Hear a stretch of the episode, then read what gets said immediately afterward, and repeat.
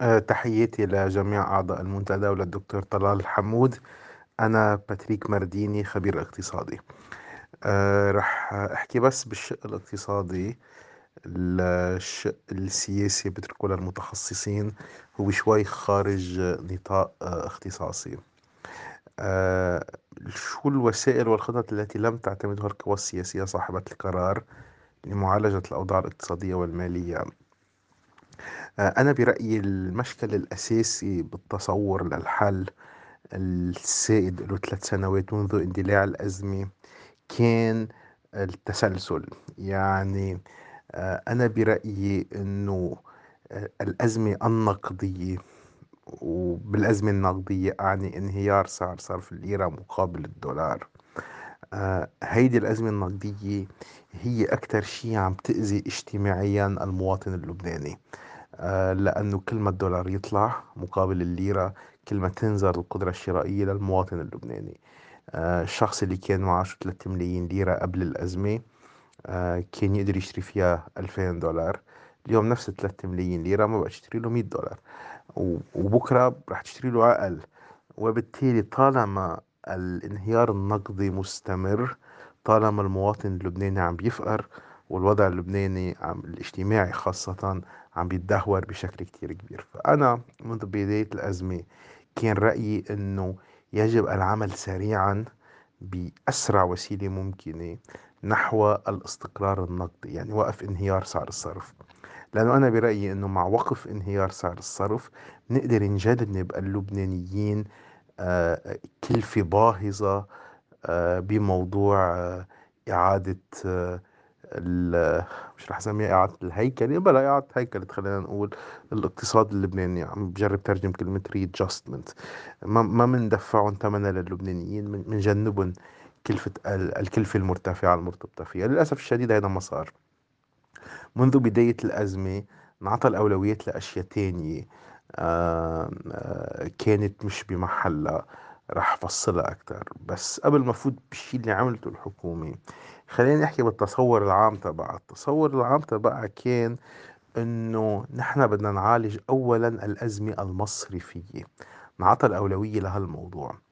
وثانيا الأزمة المالية تحديدا مالية الدولة هون قصدي يعني آه الموازنة العامة ما هيك؟ النفقات والإيرادات والدين العام.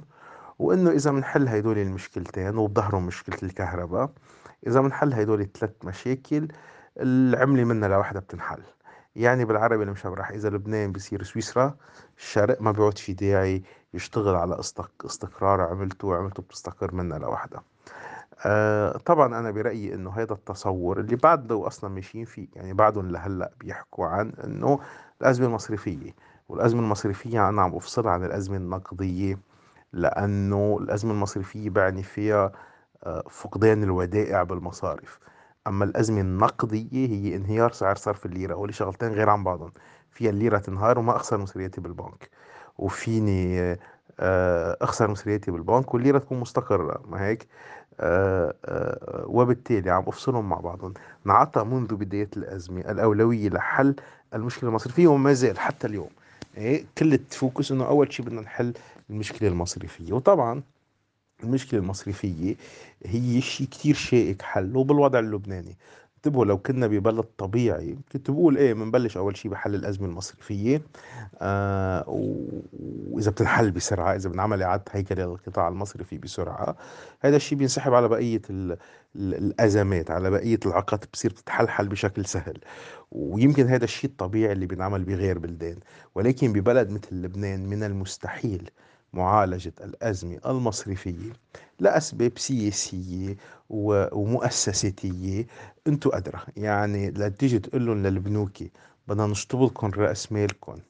آه وتقول لهم للمودعين بدنا نشطب لكم ودايعكم وتقول لهم للبنوك بدكم بدكم تبطلوا انتو أصحاب البنوك تبعوتكم المساهمين هون قصدي. وإنه بدها تختفي هالبنوك يعني بتصور بدها تاخذنا شي ثلاث سنين أربع سنين. خمس سنين لنقنعهم بالموضوع. طيب بهدول الخمس سنين شو بصير بالمواطن اللبناني إذا منا عم نعالج مشكلة انهيار سعر صرف الليرة؟ مشان هيك أنا منذ بداية الأزمة كنت عم بقول إنه الأولوية كان يجب أن تكون وقف انهيار سعر صرف الليرة بشكل سليم. آه آه وبتصور عارفين لوين بدي أوصل رح أرجع أتوسع بالفكرة قبل. للأسف الشديد صار في وضع أولوية لمعالجة أزمة القطاع المصري. وفي أسباب يعني هو إذا بدكم علميا آه، آه، من الطبيعي الواحد يقول إنه إذا البلد ما في قطاع مصرفي سليم آه، ما بيقدر يرجع يقلع الاقتصاد. وبالتالي أولويتك لازم تكون تصلح القطاع المصرفي أنا فاهمها لهي النظريه مش إنه يعني من منا بجوا وإنه إذا تثرد النمو بده يكون عندك قطاع مصرفي سليم. أوكي مش مختلفين. بس كان بينعمل معالجات بتقدر تسمح للقطاع المصرفي يعمل ال financial intermediation تبعه آه، بظل تثبيت سعر صرف الليرة. يعني كيف فينا مثلا من الأساس نعمل capital control على الدولار القديم آه، على سيرة المعالجات اللي ما انعملت. نعمل capital control على الدولار القديم الان بالمصارف مش مثل ال capital control اللي عم ينحكى اليوم. اليوم عم نحكى عن capital control على الدولار وعلى الليرة. ما فينا نحول ليرة لدولار. ما هيك؟ آه بنعمل capital control حصرا على الدولار القديم. بنسمح للبنوك يشتغلوا بالدولار ال fresh. لبين ما كنا قررنا شو بدنا نعمل بهيدا الدولار القديم. بس ما بنقعد ثلاث سنين عم نتشارع شو بدنا نعمل بهيدا الدولار القديم و... والليرة عم تنهار. بهيدا الوقت بنجيب استقرار لاستقرار نقدي بالبلد هيك بنكون حمينا المواطن اللبناني من من الانهيار. للأسف الشديد هذا الشيء ما صار. بعدنا ناطرين تنحل الأزمة المصرفية ليفرج علينا الله. إن شاء الله تكون قربت. إن شاء الله نشوف هذا الانفراج بال 2023 وبالتالي التسلسل أنا برأيي كان في مشكلة. تسلسل الحلول كان في في مشكلة بالتصور.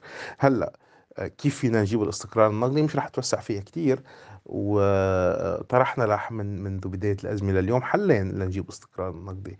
الحل الأول هو إنشاء مجلس نقد currency board اللي بيقدر يجيب استقرار نقدي بظرف 30 يوم. آه، بيقدر يثبت سعر الصرف آه، إذا مطلع قد عندنا احتياطي 10 مليار إذا مطلع قديش سعر الصرف تبع اليوم. بنقدر نثبت سعر الصرف على سعر صرف أحسن من تبع اليوم بال10 مليار اللي عندنا إياها. آه وطبعا لو لو عملنا مجلس النقد منذ بداية الأزمة كان كان كان وقف الانهيار على 3000 ليرة للدولار أو على 5000 ليرة للدولار. ما كنا وصلنا لل 45000 تبع اليوم. آه وإذا اليوم بنعمل مجلس النقد يعني بتوفروا علي أرجع عيد نفس الحديث السنة الجاية واللي بعدها واللي بعدها. وبالتالي هذا أول أول حكي أول حل طرحناه لمعالجة الأزمة النقدية سريعا قبل ما نفوت بالأزمة المصرفية اللي بدها تاخذ سنين طويلة وقبل ما نفوت بإعادة هيكلة القطاع العام اللي رح يكون بعد مؤلم أكثر يعني. هيدا هيدا هيدا هيدا هيدا لوحده. أه الحل وقتها شفنا إنه ما في ما في نوى. أه لأنه في إصرار بلبنان على تدفيع المواطنين اللبنانيين ثمن الأزمة عن طريق التضخم. وال currency board بيمنع هذا الشيء. يعني اليوم لاحظنا نحن إنه في إصرار على معالجة الأزمة المصرفية عن طريق طباعة الليرة وتسحيب اللبنانيين دولاراتهم بالليرة. وشفنا أنه في آه، خلينا نقول نفور لدى السلطات السياسية بالبلد أنه تعمل إصلاح بالقطاع العام بدها تضلها تصرف وبدها تمول مصاريفها عن طريق التضخم. وبالتالي عدم اعتماد مجلس النقد آه بيناسبهم يعني بيناسبهم لأنه التضخم اللي عم بيصير حاليا والانهيار بسعر الصرف اللي عم بيصير حاليا آه، هدفه تمويل القطاع المصرفي والنفقات العامة آه ومشان هيك بعدهم مستمرين فيه ومشان هيك آه عم بيصير عمدا يعني آه ربط السياسة النقدية بتمويل النفقات العامة و آه، تمويل خسائر المصارف آه، هذا هو اللي عم يفقر الشعب اللبناني يعني. فعلى كل الأحوال وقت شفنا إنه ما في نوى من موضوع المجلس النقد طرحنا حل تاني اللي هو الدولرة. آه، سحب الليرة اللبنانية من التداول ودولرة كل شيء بالبلد. يصير عملتنا الرسمية الدولار. مثل ما عملوا بالاتحاد الأوروبي ما هيك؟ بالاتحاد الأوروبي خلوا عملتهم الرسمية اليورو. ما بقى في لا فرنك فرنسي ولا ولا مارك ألماني ولا راحوا كل العملات وصار في يورو. في كتير بلدان مدولرة حول العالم مش رح سميها يعني. آه بس إنه بتقدروا تعرفوها هينة ما صعبة آه ليش؟ لأنه الدولة بتحمي يعني إذا صارت معاشات المواطن اللبناني بالدولار بتحميه من انهيار سعر الصرف وبالتالي بتحفظ له جزء أو ما تبقى من قدرته الشرائية. نفس الشيء إذا بنسمح للشركات تداول أسعارها بما أنه ما بقى في ليرة لبنانية صارت الشركات بتسعر بالدولار بتقبض بالدولار وبتدفع بالدولار. هذا الشيء بيعطيها استقرار بالتسعير ما بتقعد تخسر زبوناتها لأنه عم تغير أسعارها كل يوم مع تغيير سعر الصرف. آه، بصير تعرف كيف بدها تسعر بتصير تعرف كيف بدها توظف. آه، بتسمح للاستثمار يرجع على البلد اليوم. ما في استثمار بيجي على البلد بظل تقلبات سعر الصرف يعني. آه، وبالتالي ونفس الشيء بتصير مداخيل الدولة بالدولار بتصير فيها تدفع لموظفينها بالدولار كمان بتجيب استقرار بالقطاع العام. هول الحلين اللي طرحناهم طبعا ما تنفذوا. وبعدنا مستمرين بسياسة التعويم الموجه اللي انتهجها لبنان منذ بداية مش منذ بداية الأزمة من شي سنة ونص تقريبا. بالأول بشكل ضمني وبعدين بشكل بشكل آه، واضح عن على منصة صايرفة ونتيجتها كانت خسارة مليارات الدولارات من احتياطي مصرف لبنان اللي أنا بسميهم ما تبقى من أموال المودعين. ونتيجتها كانت كمان ارتفاع سعر صرف الدولار مقابل الليرة. يعني لا حلوا لنا مشكلة انهيار الليرة. هذا التعويم الموجه. ولا وقف خسارة الدولارات. آه، بقى أكلناها على الميلتين مثل ما بيقولوا. هيدا بالموضوع. السياسات اللي كان مفترض تنعمل وما انعملت وشو الأشياء الغلط اللي انعملت. الأشياء الغلط اللي انعملت كثيرة آه رح عدد شغلتين. آه ثلاثة يمكن حسب قديش بعد معي وقت وبجرب أوقف هون. الشغلة الأولى هي آه سياسة الدعم اللي كانت كارثية عملت لنا طوابير ذل. الهدف منها كان تخفيف من وطأة الأزمة على المواطن اللبناني ولكن فعليا زادت من وطأة الأزمة عنه لأنه أوكي سعرت له السلعة بسعر منخفض بس قطعت له من السوق وبالتالي ما قدر اشتراها بسعر منخفض. كان عم يتبهدل على محطات البنزين و... وهيدا الدعم بعده مستمر آه لسلعة معينة مثل الخبز مشان هيك بنشوف انقطاع للخبز ببعض الأحيان. آه الأدوية كل الأدوية المقطوعة هي أدوية مدعومة. الأدوية الموجودة بالصيدليات هي الأدوية الغير مدعومة. أمراض السرطان أدويتها مقطوعة لأنه مدعومة. عم نظلمهم كثير للمرضى السرطان. الأمراض المستعصية بشكل عام. حليب الأطفال كثير عم ينأذوا. ما هيك عندما ما بعمل ليه حليب أطفال بالبلد يعني؟ لأنها مدعومة. وبالتالي مثل ما رفع الدعم عن المحروقات أنا برأيي بيسوى ينرفع الدعم عن هالأشياء التانية اللي بعدها مدعومة رأفة بالمواطن وبالمرضى وبالأطفال وبكل الناس اللي بيستعملوها. هيدي من الأخطاء اللي صارت بالماضي واللي يجب تصحيحها. الخطأ الآخر هو الاتكال على مؤسسة كهرباء لبنان لتأمين الكهرباء. أنا برأيي ما بقى فينا ننطر كهرباء لبنان ووزارة الطاقة لتأمين الكهرباء. أثبتوا عجز على مدى مش رح أقول سنوات رح أقول عقود. يجب الخروج من هذا الصندوق وتفكير بحلول بديلة آه كرمال لأنه بلا كهرباء كمان ما فيك تقلع اقتصادك يعني.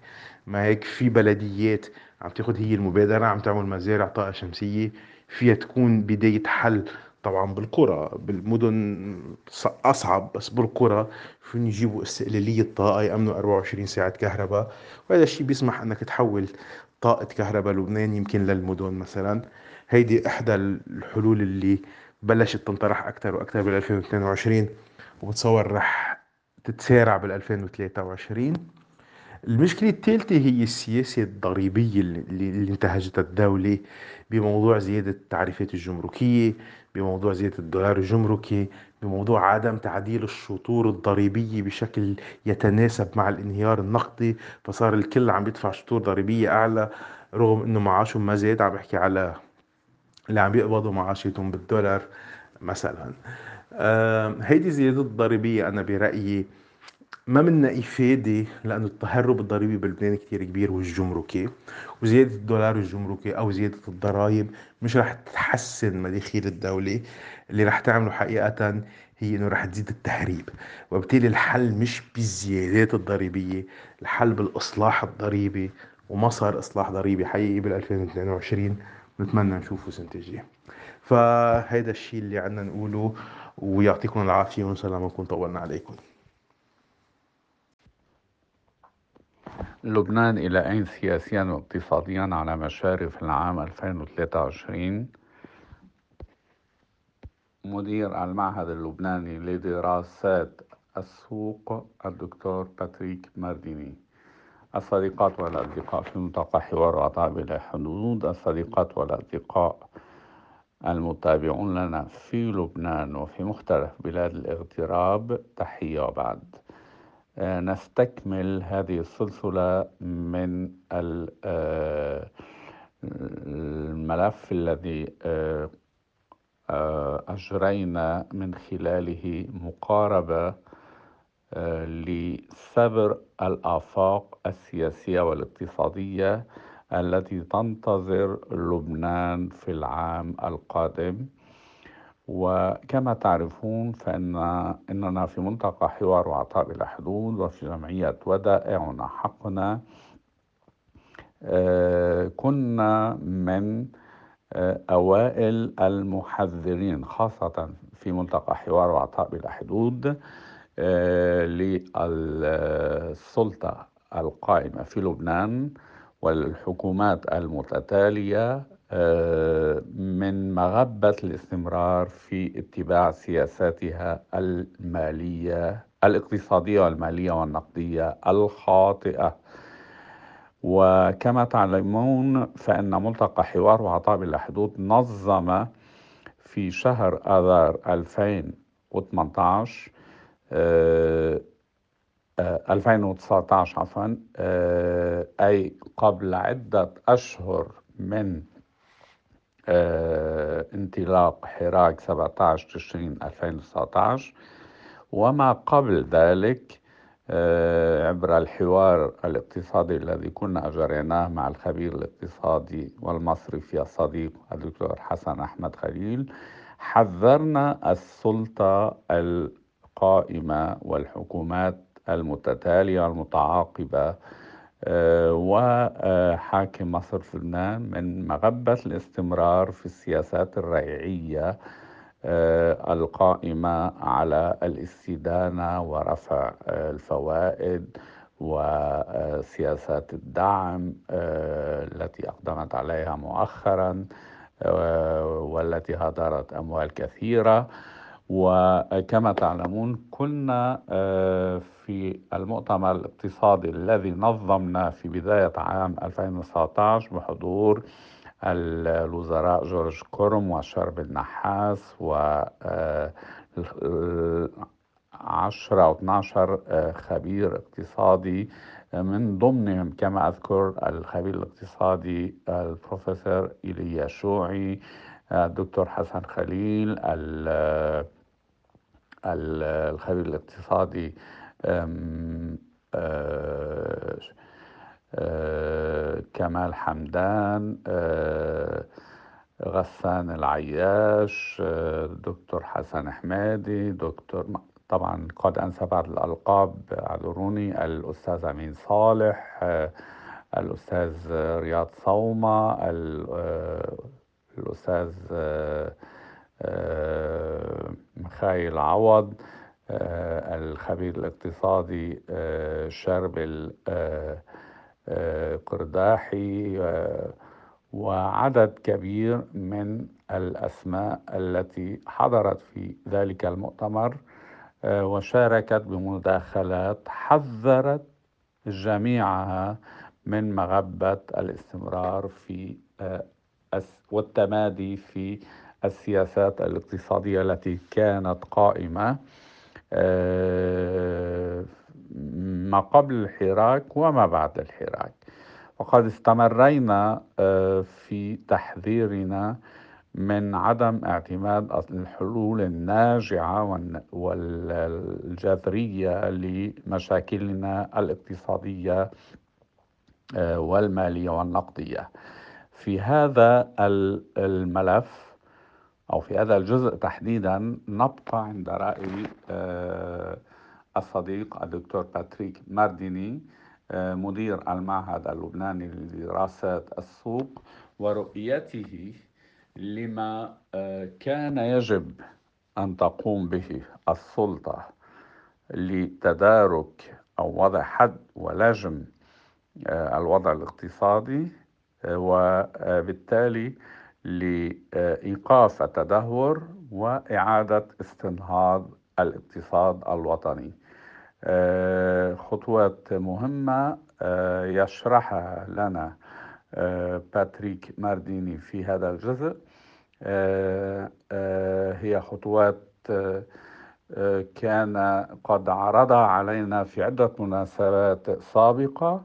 والدكتور باتريك مارديني شارك معنا في منذ ثلاثة سنوات في كل اللقاءات التي عقدناها تقريبا حول الملفات الاقتصادية وخاصة تلك التي كانت لها علاقة بملفات دعم رفع الدعم عن السلع الأساسية حماية حقوق المودعين الإصلاحات الاقتصادية المطلوبة كيفية استنهاض الاقتصاد الوطني وما إلى ذلك. نبقى إذا مع رؤية الدكتور مارديني لواقع الأمور الاقتصادية حاليا وما يجب فعله أو القيام به لإعادة استقرار الاقتصاد ولإعادة الإنقاذ والانطلاق من جديد على قواعد سليمة. كان معكم دكتور طلال حمود منسق ملتقى حوار مع بلا حدود. وأشكر الدكتور مارديني على مشاركته الدائمة لنا في ومواكبته الدائمة لنا ومعنا في كل ما قمنا به خلال السنوات الماضية إضافة إلى العديد من الخبراء الآخرين الذين قد أكون نسيت أن أشكرهم على مشاركاتهم القيمة. في كل مناسبة نطلب منهم فيها أن يشاركوننا طلال حمود منسق ملتقى حوار وعطاء بلا حدود ورئيس جمعية ودائعنا حق.